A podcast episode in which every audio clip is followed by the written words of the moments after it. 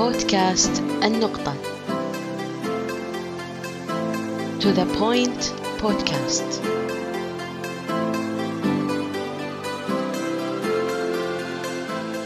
أهلا بكم أعزائي المستمعين من جديد في حلقة جديدة من بودكاست النقطة. موضوعنا اليوم موضوع مختلف نوعا ما ولكنه مهم كالعادة. موضوعنا اليوم اقتصادي. نتكلم فيه عن التداعيات اللي سببتها أزمة كورونا كوفيد 19 في العالم وعن وجهات النظر الاقتصادية كيف سيكون العالم من بعد كورونا حسب توقعات المختصين. ضيفي اليوم شخص مميز جدا الأستاذ محمد البغلي رئيس قسم الاقتصاد في جريدة الجريدة. حياك الله أستاذ محمد. في البداية أود أن أوجه التحية والشكر لبرنامج بودكاست النقطة على هذه الاستضافة ولتوضيح يعني أحد القضايا الجديدة أو المهمة التي تتعلق في التداعيات الاقتصادية لفيروس كورونا وأثرها على حياة الناس وأثرها بشكل كبير على الأعمال والشركات والقطاعات الاقتصادية. اللي يعني تأثرت بشكل كبير من خلال تداعيات أزمة كورونا. حياك الله أستاذي محمد نتمنى أن تكون هذه الحلقة حلقة مفيدة للجميع. بداية كلنا نعرف أن أزمة كورونا أثرت على مفاصل الحياة جميعها التعليم الاقتصاد الصحة وغيره فأول تساؤل يبدر على أذهان الناس في هذا الجانب هل نحن على أبواب أزمة اقتصادية؟ آه، هل نحن نعيش أزمة اقتصادية اليوم؟ شنو أثر كوفيد 19 على حياتنا الاقتصادية من الناحية المادية؟ آه، كيف سيتغير المشهد بعد يعني من بعد كورونا أو على أثر كورونا؟ بصورة عامة آه، هذه الأزمة لا نستطيع أن نسميها أزمة اقتصادية. يعني ما حدث في أزمة كورونا يمكن وصفه بشكل أدق بأن يكون هي أزمة صحية آه، عالمية ألقت بتداعياتها على مختلف الأوجه الحياة الأخرى ومنها كان يعني الجانب الاقتصادي وكانت التداعيات في هذا الإطار على الاقتصاد تداعيات قاسية وحادة وسريعة جدا خلال فترة يعني قصيرة بما يمكن أن يقاس عليه في الاقتصاديات المختلفة. آه، اتسمت هذه الفترة أو هذه التداعيات بقدر عالي من عدم اليقين وهو عدم معرفة المستقبل وعدم آه، القدرة على آه، يعني التنبؤ والقراءة بشكل سليم خلال الفترة ما يعتقد أنها على المدى القصير. كان من الصعب جدا أن يكون هنالك تحديد لل آه، للقراءات والاستشراف المستقبل. فمثلا كان عندنا أن الاقتصادي يبني معلوماته أو قراءاته أو أو حتى عندما يحاول التحليل على المعلومات الطبيب. والطبيب آه، إذا كان يبي يقيس التفشي والانتشار للمرض يعتمد على عالم الإحصاء. وعالم الإحصاء كي يستعين بعالم الاجتماع لقياس سلوكيات المجتمعات. وتقريبا هذه يعني خلينا نقول أول مرة تصير آه، في آه، مواجهة أزمة في العادة كنت آه، أزمة اقتصادية يتم تحليلها من الاقتصاديين، أزمة صحية يتم تحليلها من من الأطباء والمختصين في الشؤون الصحية. آه، يعني على مختلف العلوم يكون قياسها ودراستها من المختصين فيها، لكن أزمة كورونا أثبتت أن هناك يعني لها أوجه عديدة وقراءات مختلفة وعلم يبني على علم آخر لقياس آه، التنبؤات والتحليلات. هذا من جانب. في أزمة آه، كورونا أيضا في جانبها الاقتصادي مثل ما ذكرت آه، هي أزمة كانت جديدة وصادمة وقاسية في نتائجها وحدثت في وقت قصير جدا وأصبحنا نرى يعني الأرقام الفلكية تتداول بشكل يومي والتي يعني ممكن أن تداولها يكون آه، محدود جدا في الجانب الاقتصادي. أصبح رقم تريليون آه، حاضر في العديد من يعني الاقتصاديات ومن خطط التحفيز والخسائر باتت الأرقام التريليونية التي يعني تطرحها الدول أيضا أرقام يعني متكررة وهذا غير معتاد في الجانب الاقتصادي وعلى مستوى الأسواق. طبعا كان هنالك العديد من التداعيات اللي ممكن إن إحنا نعرج عليها بشكل يعني سريع خلال هذه المقابلة. آه، كان الأكثر تضررا وتدهورا في آه، هذه الأزمة آه، سلعة النفط الخام كانت من أشد المتضررين في هذه الأزمة لأنها ارتبطت بتوقف الحياة. توقف الحياة والأعمال والأنشطة حول العالم أدى إلى توقف أعمال المصانع والمواصلات والطيران وحركة النقل بشكل عام. وهي كلها تعتمد على النفط ومشتقاته. أدى ذلك إلى تراجع رهيب في الطلب تراجع تاريخي جدا يوازي 40% من إجمالي الطلب في العالم آه، وأدى ذلك إلى انحدار كبير في آه، يعني الأسعار العالمية. وجدنا الأسعار النفط الخام تهبط من 55 دولار بلغت آه، في منتصف أبريل الماضي إلى حوالي 11 دولار للبرميل و12 دولار آه، أدى ذلك أيضا إلى خفض تاريخي غير مسبوق لإنتاج النفط من المنتجين من خلال منظمة أوبك والتحالف آه، الدول خارجها المعروف باوبك بلس آه، وصل الانخفاض فيه إلى 20 خفض الإنتاج إلى 20 مليون برميل يوميا ولم يفلح هذا الخفض حتى الآن في إعادة أسعار النفط إلى التوازن السابق وإنما حدث بعض الانفراج في الأسعار ولكن لا تزال الأسعار اليوم منخفضة مقارنة ببداية العام في حقيقة الأمر. إلى أكثر من 50% آه، لم تستطع أن تعوضها أسعار النفط الخام، كذلك على الجانب النفطي كان هناك التراجع الحاد في الأسعار. الذي أثر على مشاريع العديد من الشركات النفطية الضخمة حول العالم مثل شركة آه، شل وبيبي وأكسيد موبيل وغيرها من الشركات. حتى شركات النفط أو المؤسسات النفط الخليجية تأثرت بشكل سلبي وقلصت أعمالها وقلصت آه، يعني العديد من مشاريعها التوسعية ومشاريع الإنتاج فيها مثل مؤسسة البترول الكويتية وشركة أدنوك الإماراتية وهي شركات سيادية. آه، آه، رأت أن من الأفضل أن تؤجل توسعاتها ومشاريعها لحين توافر بعض اليقين في العالم وفي آه، ما يتعلق بزيادة الطلب العالمي على سلعة النفط الخام.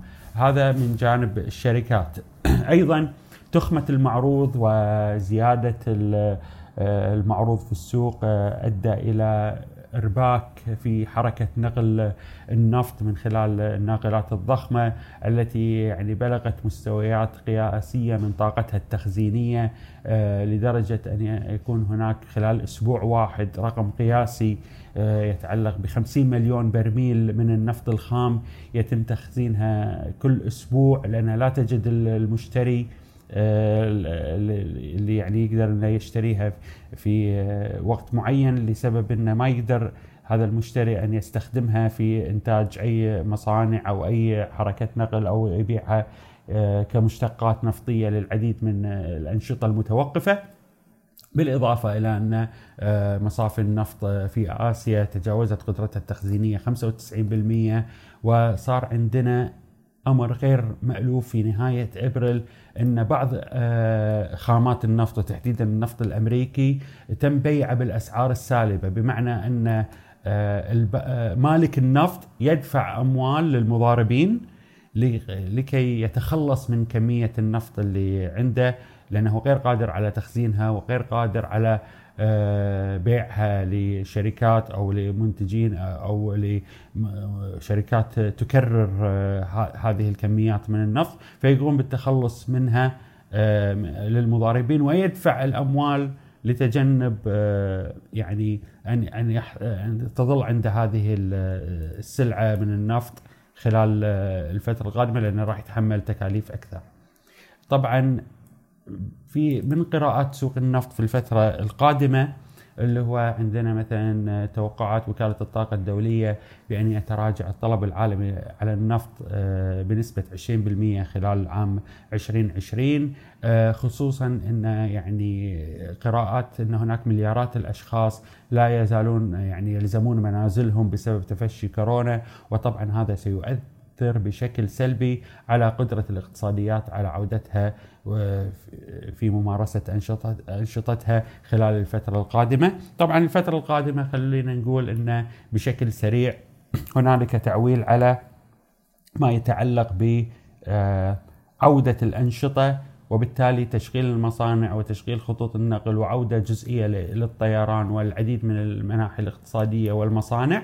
هذه قد تساهم في الفترة القادمة آه، في عملية ارتفاع أسعار النفط وزيادة الطلب على الخام من ناحية. هناك تحدي يقابل هذه العودة أو الانتعاش اللي ممكن أن يكون في آه، أسعار النفط وهو المخاوف المتعلقة بحدوث موجة ثانية من الفيروس تنتشر مجددا في الخريف المقبل أو مع نهاية العام أو مع عدم قدرة الطب على صناعة آه، لقاح أو تطعيم معين لهذا الفيروس، هاي كلها تحديات تواجه الاقتصاديات العالمية وتواجه سلعة النفط في الفترة القادمة. طيب أستاذ محمد ماذا عن المجال السياحي. الناس مهتمة بالسياحة. تريد أن تعرف ماذا عن السفر مثلا ماذا عن السياحة في في الكويت وفي خارج الكويت. كيف سيكون الوضع؟ كيف سيكون المشهد؟ أه، بالإضافة إلى الأثر الكبير الذي حدث لسلعة النفط أو على سوق النفط كان هناك قطاع الطيران أيضا من القطاعات اللي يمكن وصفها بأنها أحد أبرز ضحايا انتشار الفيروس و آه، ما حدث من توابع آه، آه، التباعد الاجتماعي والالتزام بالمنازل ويعني حركة السفر والطيران والسياحة واجهت خسائر كبيرة خلال هذه الفترة لأن كان الأولوية هي للإحتياطات الصحية. وحتى مع عودة أوجه الحياة لا يتوقع خلال الفترة القادمة أن يكون هنالك حركة طيران وحركة سفر وسياحة أكبر في خلال الفترة القادمة. فلذلك آه، تقديرات أولية بأن آه، يعني يكون خسائر قطاع الطيران حول العالم خلال آه، الربع الأول من هذا العام فقط حوالي 250 مليار دولار أمريكي بسبب فيروس كورونا. ومع ان كانت بداية الأزمة كان هناك التوقعات أن يكون فقط آه، الخسائر 100 مليار دولار لكن تضاعفت بمرة ونصف تقريبا وإن 98% من الرحلات التجارية آه، حول العالم سوف يعني يعاد هيكلتها أو إنها تلغى أو يتم آه، خفض كبير في عمليات أو أعداد الركاب فيها بالإضافة إلى إن هناك يعني شركات كثيرة طلبت دعما ماليا مباشرا من دولها وحاولوا قدر الإمكان إن يعني يتفادون مسائل الإفلاس ومسائل التعثر المالي خصوصا إن هذه الشركات لديها التزامات فيما يتعلق بقروض الطائرات وما يتعلق بتكاليف المطارات وما يتعلق بالعقود الممتدة اللي يعني وجدت نفسها إن هي كانت تتوقع إن تنقل عدد معين من الركاب من دولة إلى أخرى فحصل هناك توقف في حركة الطيران في منطقة الشرق الأوسط. آه، تتحدث آه، منظمة اياتا وهي يعني آه، اتحاد النقل الجوي العالمي إن تنخفض حركة الطيران في المنطقة آه، العام 2020 ب 51% مقارنة بالعام 2019 وهذا راح يعني يؤثر على الطيران المدعوم الديوان الطيران الحكومي في المنطقة مثل شركات الطيران الخليجية بمقدار يعني 130 مليار دولار. كما بين ضعف الإيرادات وخسائر محققة. آه، وهذا يعني القراءة تنظر لعملية القيود السفر الشديدة للربع الأول دون قياس بقية العام. يعني إحنا نتكلم عن 51% انخفاض و130 مليار دولار ما بين خسائر وانخفاض إيرادات مع تشدد الربع الأول من العام. حتى الآن لم تصدر بيانات الربع الثاني أو النصف الأول في 30 ستة وبالتالي هذه يعني خسائر كبيرة لحركة الطيران. بالطبع حركة الطيران وسوق السفر سيؤدي بالتبعية إلى آه، تراجع كبير فيما يتعلق بحركة السياحة حول العالم. مثل ما شفنا إحنا من بداية الأزمة هذه اللي حصلت آه، مع بداية العام في الصين أدى إلى إلغاء ملايين الحجوزات على الفنادق والمنتجعات والمتاحف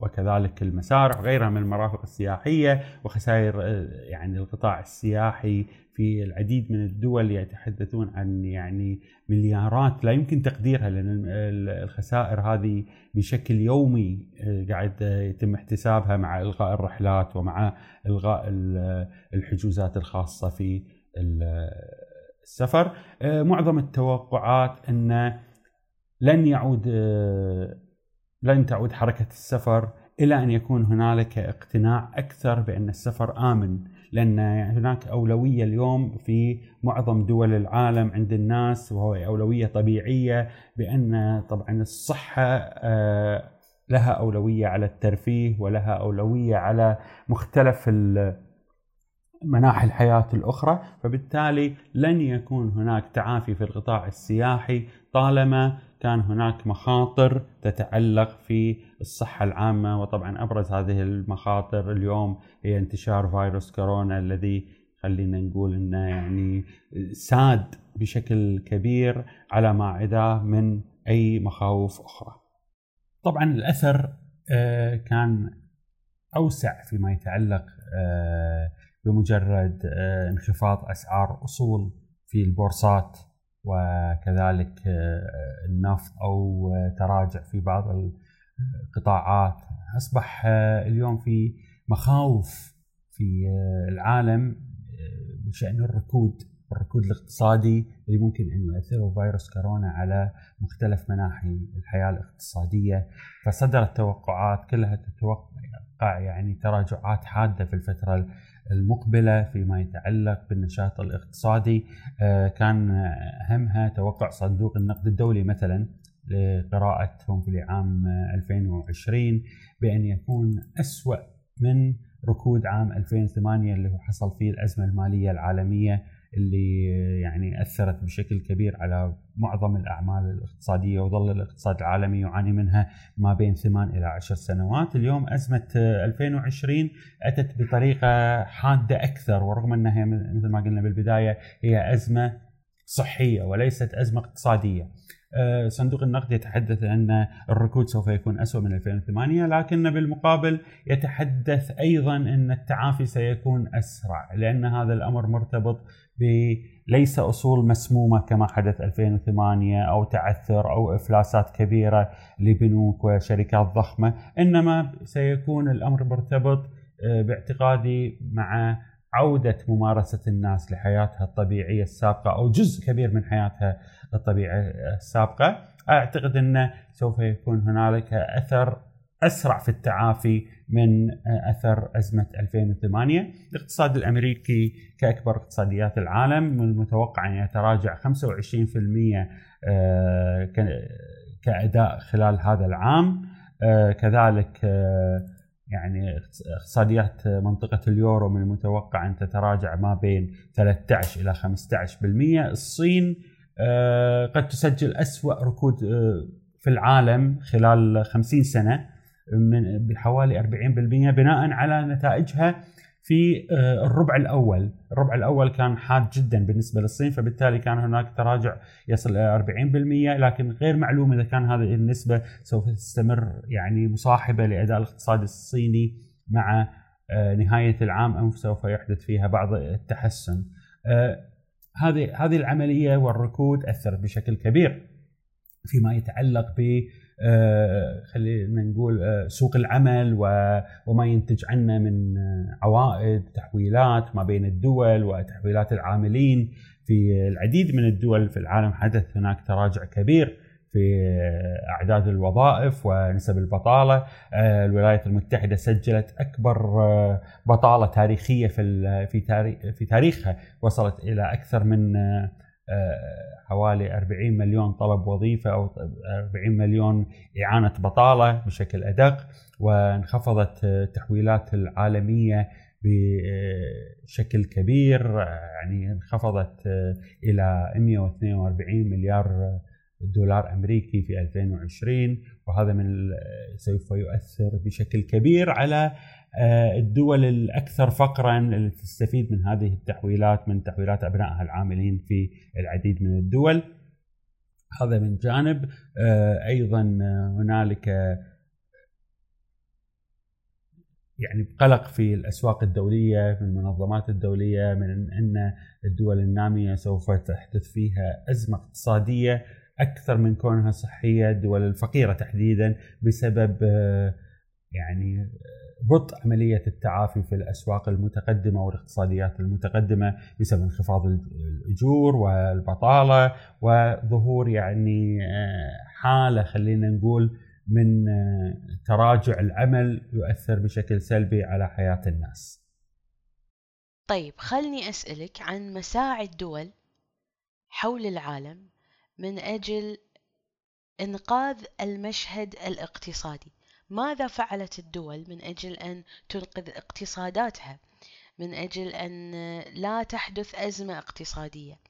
هل هناك حركة معينة باتجاه معين آه، تحاول أن يعني تنقذ الموقف؟ من الظواهر اللافتة في هذه الأزمة في مواجهة تداعيات آه، كورونا على الاقتصاديات هو ظهور ما يعرف ببرامج التحفيز الاقتصادي التي أطلقتها الحكومات في مختلف دول العالم. هذه البرامج التحفيزية كانت بهدف محدد وواضح وهو تطويق الأثر السلبي لتداعيات الفيروس على حياة الناس. وتم ضخ يعني مو مليارات إنما تريليونات الدولارات في الاقتصاديات وفي الأسواق بشكل مباشر ممكن إحنا إلى اليوم نحسبها حوالي 8 آه، تريليونات آه، دولار أمريكي ومعروف إن التريليون ألف مليار آه، تم ضخها في إجراءات تحفيزية استثنائية لمواجهة انتشار الفيروس، الولايات المتحدة مثلا وهي دولة رأسمالية ضخت ثلاث تريليونات دولار في دفع مساعدات مالية مباشرة للأسر الأمريكية وقدمت قروض لمختلف الشركات ومعونات للأسر وعمليات تحفيز لكي لا تسقط الشركات الكبيرة أو تعلن إفلاسها بما تقدمه من وظائف للمواطنين الأمريكيين وما تقدمه من ضرائب للماليه العامة والميزانية الفدرالية. كذلك أعلنت اليابان خطط تحفيز تريليون دولار أمريكي تتضمن إقراض آه، للشركات الصغيرة وتأجيلات ضريبية إلى جانب مساعدات نقدية للأسر، بريطانيا كذلك قدمت بحوالي 100 آه، مليار دولار كضمانات قروض للمواطنين آه، أو عفوا للشركات الصغيرة وعلقت أو أجلت مدفوعات الرهن العقاري للمتعثرين ووسعت نطاق تعليق ضريبة الممتلكات الممتلكات خصوصا على القطاعات الأكثر تضررا كالطيران والفنادق وقطاعات الترفيه تقريبا أعفتها من أي مسؤولية ضريبية وكذلك الاتحاد الأوروبي أيضا قدموا من يعني حزم اقتصادية متتالية أيضا تجاوزت تريليونين دولار أمريكي. هناك كان صندوق تأمين على العمل لكي لا يفقد الأشخاص وظائفهم بالإضافة إلى توفير أدوات تمويلية بحوالي 500 مليار يورو من السيولة للشركات سيولة عاجلة وخطوط ائتمان وتمويل. آه، لصندوق الانقاذ الأوروبي، هذه كلها إجراءات كانت بأهداف واضحة لكي لا تحدث أو تتحول الأزمة الصحية إلى أزمة اقتصادية وأزمة بطالة وأزمة إفلاس، هذه كانت تدخلات الدول، أيضا دول الخليج أيضا قدمت بعض الإجراءات التحفيزية مثل الإمارات وقطر والسعودية والكويت.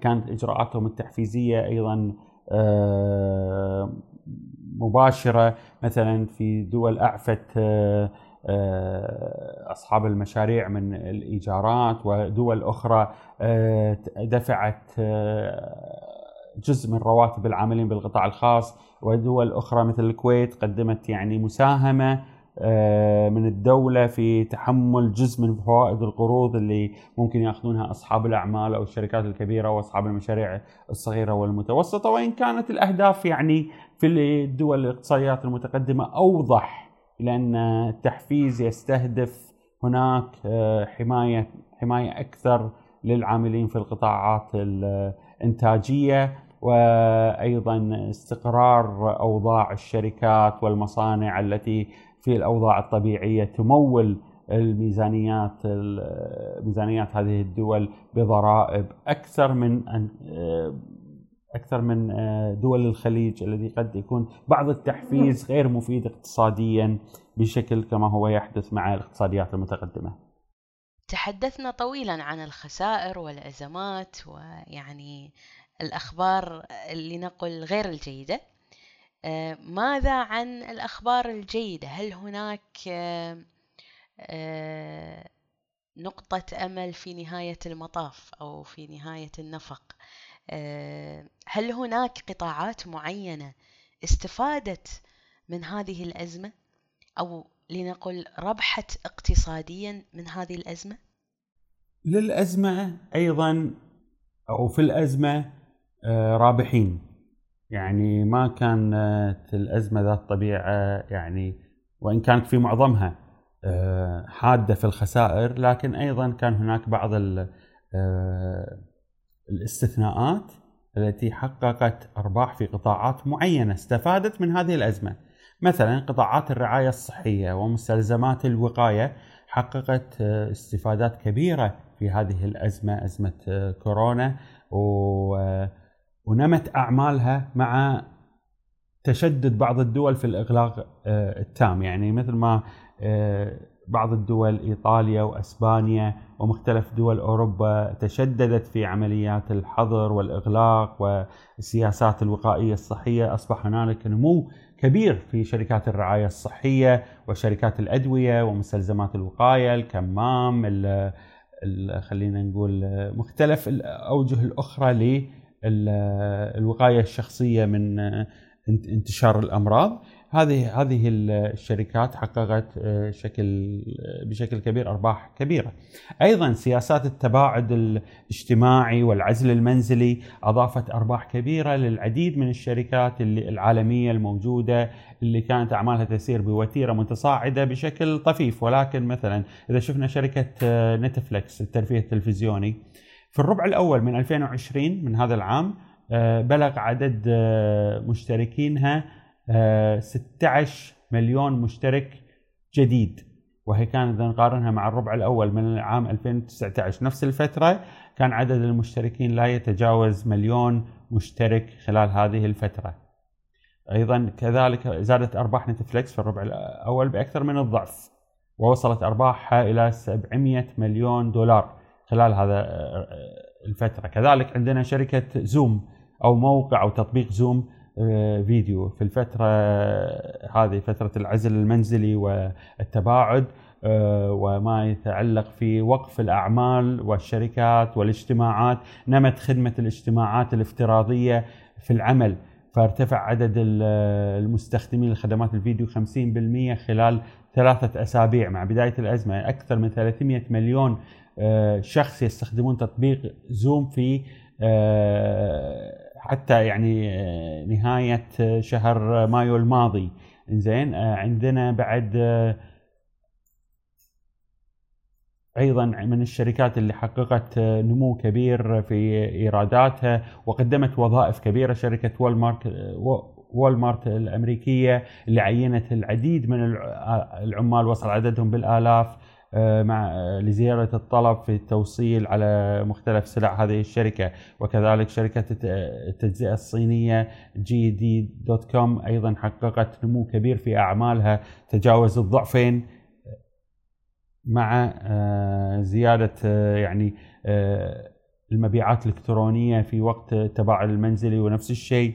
كان أيضا لشركة أمازون آه، العالمية اللي عكست سوق العمل وقدمت مجموعة من الوظائف الجديدة في السوق الأمريكي لأنها كانت يعني لا تستطيع أن تلبي آه، الطلب على منتجاتها في خلال فترة الوباء. فهذه كلها يعني يبين لنا خلال الفترة الماضية إن آه، لم تكن خسائر آه، حادة لجميع الأعمال بالعكس كان هنالك أعمال آه، اتسقت مع سياسات التباعد الاجتماعي والعزل المنزلي وقدمت خدماتها في هذا الإطار فحققت أرباح كبيرة مثل ما شفنا في العديد من الشركات الأمريكية والشركات الصينية كذلك.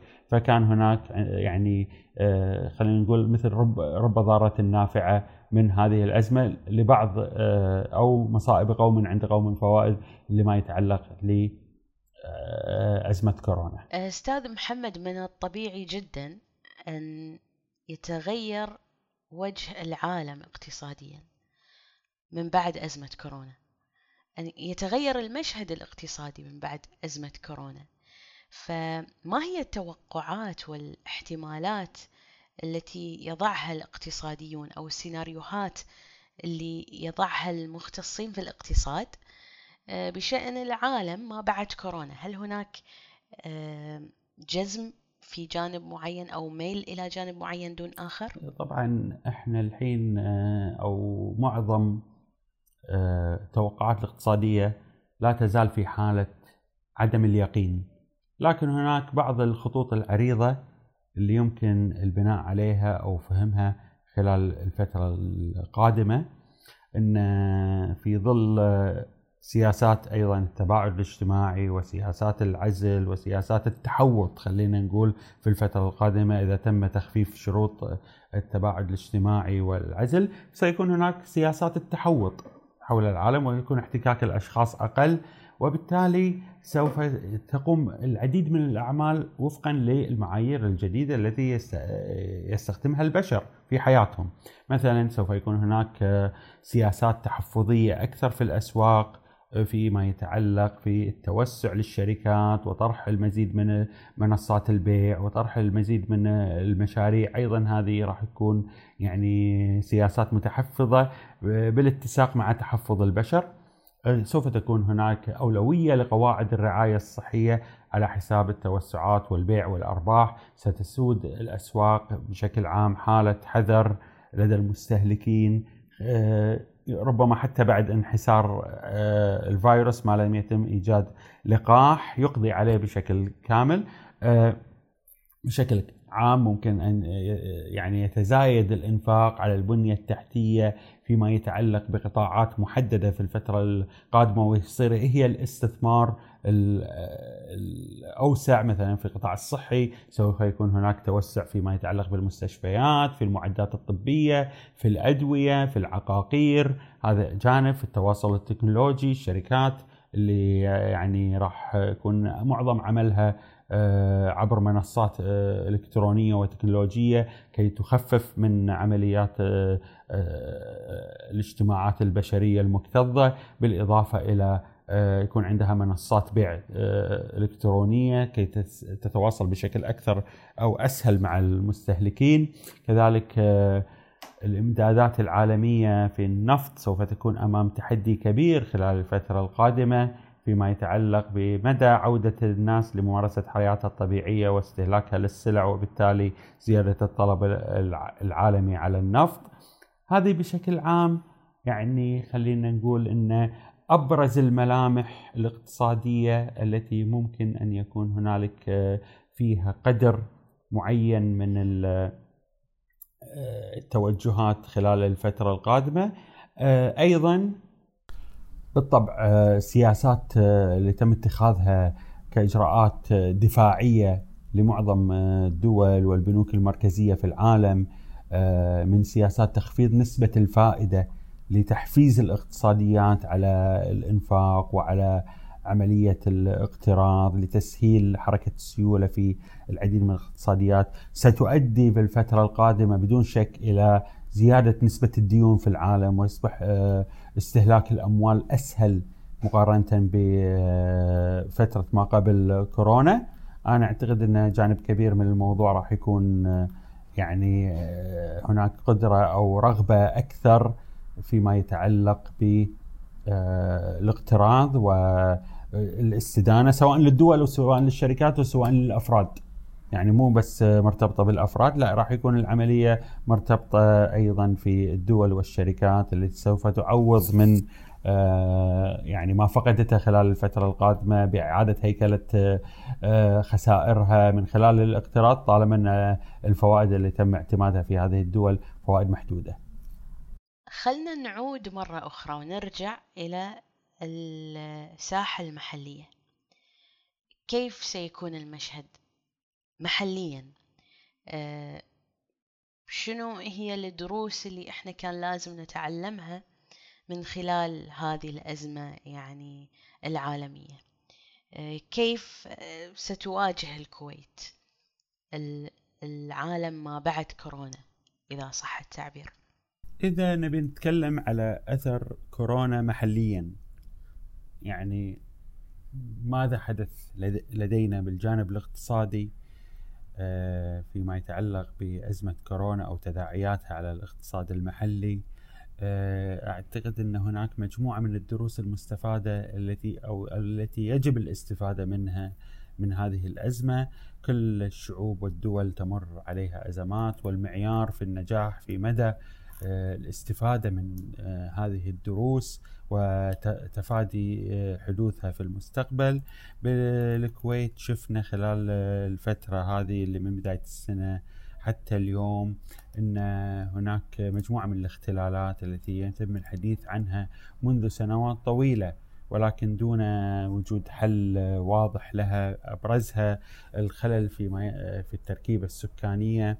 وتجارة الإقامات واختلال الهيكل السكاني في الكويت ما بين المواطنين إلى المقيمين بحوالي 30% للمواطنين و70% للمقيمين. وعندما نتحدث من هذا الموضوع من المهم جدا أن نميز ما بين أمرين وجود مشكلة حقيقية في التركيبة السكانية يجب حلها والجانب الآخر هو هو معاداة أو مناهضة أي خطاب عنصري ممكن أن ينشأ من خلال آه، أو ينشأ خلال حل هذه الأزمة. فالمشكلة ليست في خلينا نقول آه، في آه، المقيمين أنفسهم. لدينا مشاكل يجب أن لا نتعامى عنها وهي محاربة تجارة الإقامات بشكل يعني مباشر و هذه التجارة التي يعني أفرزت للبلد عمالة رخيصة وهامشية وأفرزت أيضا السكن المخالف للاشتراطات الأمنية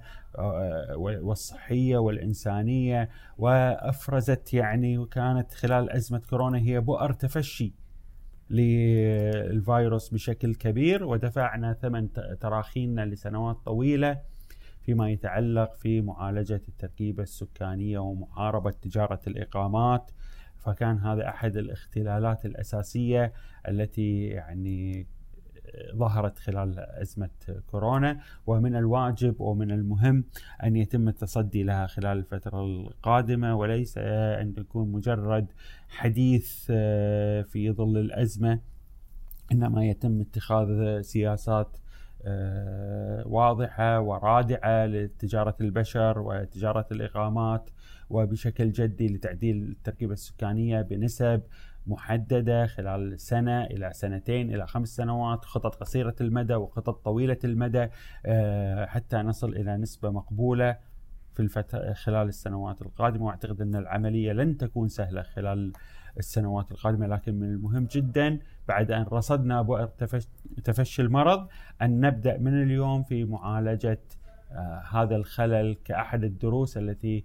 آه يفترض أن إحنا استوعبناها من الأزمة بالإضافة إلى درس آخر من أزمة كورونا وأهمية المخزون الغذائي وكيفية تنميته وإدارته والأمن الغذائي ومواطن ومعرفة مواطن القوة والضعف في هذا الجانب أين كانت مواطن القوة في شركات الأمن الغذائي المطاحن المواشي آه، التموين العديد من الشركات آه، المنتجة للدواجن والألبان كانت أيضا نقاط قوة للدولة في آه، مواجهة الفيروس. وبالمقابل كان هناك أيضا نقاط ضعف في هذا الجانب يتعلق في القسائم الزراعية ومعظم خلينا نقول الجواخير التي كانت يعني هدفها تحقيق الأمن الغذائي. ولكن في الحقيقة كانت توزع من باب الترضيات والتنفيع وشراء الولاءات السياسية دون أن يكون لها أي أثر يذكر خلال الفترة الماضية. هذا أيضا كان من الاختلالات اللي يجب أن يتم مراجعتها آه، الأمن الغذائي ومخزونه من الأمور الأساسية. بالإضافة إلى وجدنا خلال هذه الأزمة حاجة حقيقية مع تراجع الحاد لأسعار النفط إلى أهمية وجود مدخرات الدولة والاحتياطات المالية. تم استنزاف للأسف خلال خمس سنوات ماضية قبل أزمة كورونا استنزاف العديد من الاحتياطيات. كان الاحتياطي العام في عام 2013 2014 آه، تبلغ قيمته 60 مليار آه، دينار آه، احتياط العام وليس احتياط الأجيال. الاحتياط العام اليوم في منتصف تقريبا شهر 2020 وصل إلى ما بين أصول وسيولة وصل إلى 15 مليار دينار. فإحنا قاعد نتكلم أن خلال خمس إلى ست سنوات فقدنا ما يعادل 75% من قيمة الاحتياط العام. كان معظمها لتعويض العجز وتعويض آه، إنفاق على أمور تتعلق بشراء الأسلحة أو إن تغطية عجوزات أو آه، يعني مصروفات لم تكن حصيفة كما إحنا احتجناها في خلال الفترة الماضية على الصحة والغذاء والوقاية وبناء المهاجر ودعم القطاع الصحي. أعتقد هذا كان أحد دروس الأزمة أيضا.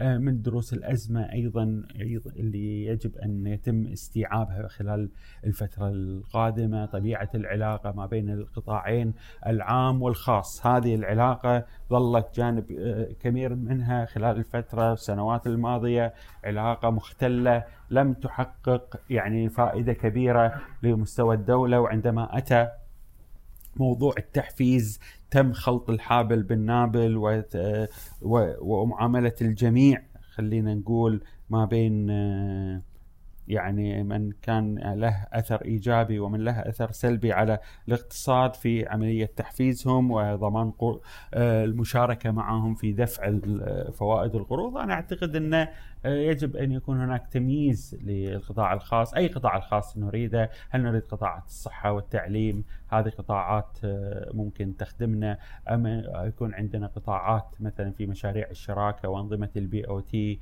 هذه أيضا آه، ممكن أنها هي تخدمها تخدم الدولة وتخدم المستهلكين، أنا أعتقد جانب كبير من هذا الموضوع يجب أن يعاد قراءته مرة أخرى، هناك شركات نعم مفيدة للاقتصاد الوطني وهناك شركات غير مفيدة للاقتصاد الوطني بالعكس ممكن تكون ضررها أكبر فيما تقدمه أو ما تغرق السوق من عمالة وتكدس و آه، استهلاكية غير مفيدة على المدى الطويل، كذلك أيضا من الأمور اللي كانت لافتة وأنا أعتبرها من أهم دروس الأزمة آه، أهمية آه، البنية التحتية التكنولوجيا والخدمات الإلكترونية خصوصا فيما يتعلق في التعليم من عن بعد للعديد من طلاب المدارس والجامعات. هذا جانب مهم. لا يمكن أن آه، أن يتوقف التعليم بسبب عدم استعداد وزارة التربية أو الجامعة أو مؤسسات أو التعليم العالي مختلف المؤسسات.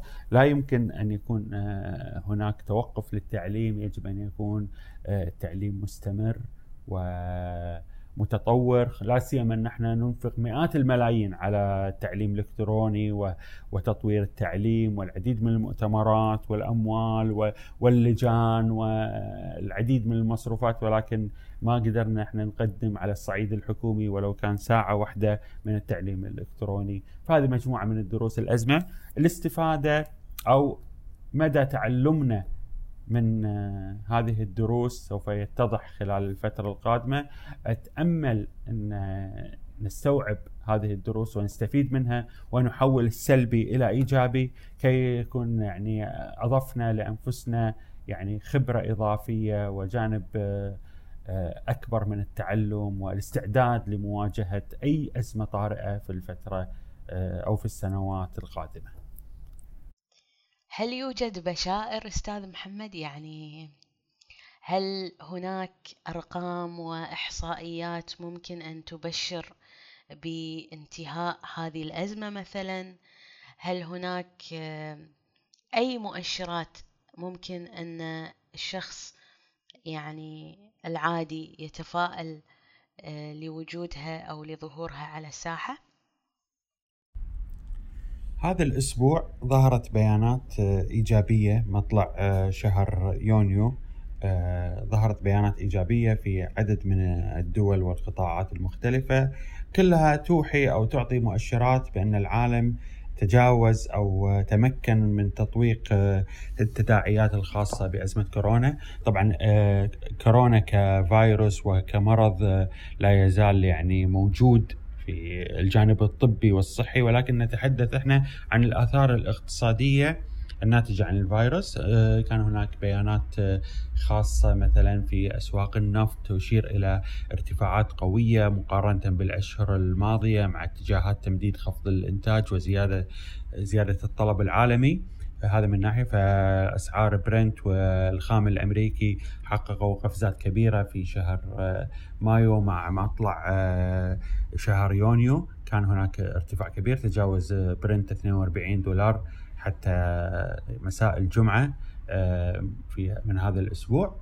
بالإضافة إلى آه، بيانات الأسهم الأمريكية اللي عوضت حوالي 70% من خسائرها أو من تراجعاتها اللي حدثت في آه، مطلع هذا العام مع بداية تداعيات أزمة آه، كورونا. بالإضافة إلى أيضا بيانات الوظائف الأمريكية في شهر مايو اللي يعني سجلت آه، معدلات إيجابية بإضافة مليونين وظيفة جديدة في في الأسواق الأمريكية. هذه أدت كلها إلى حالة من التفاؤل وإن كان يعني تفاؤل محدود في الفترة القادمة وفي ظل المخاوف اللي ممكن أن يؤثر فيها الفيروس في الفترة آه، يعني خلال الخريف، كذلك هناك من المؤشرات التي توحي بتطويق الأزمة آه، الانخفاض اللي حصل في أسعار الذهب منذ بداية شهر 6 بحدود 2%، كلها تشير إلى أن المستثمرين يتجهون بشكل عام نحو مزيد من المخاطرة والتداول وإعادة الأعمال وإن كان بشكل حذر لكن أفضل بكثير من البدايات التي حصلت آه، يعني في بداية هذا العام. كل الشكر والتقدير لك أستاذ محمد على هذه المعلومات القيمة والحوار الشيق حول آه، موضوع مختلف نوعا ما عن آه، المواضيع التربوية اللي دائما نطرحها في هذه آه، المدونة وفي هذا البودكاست.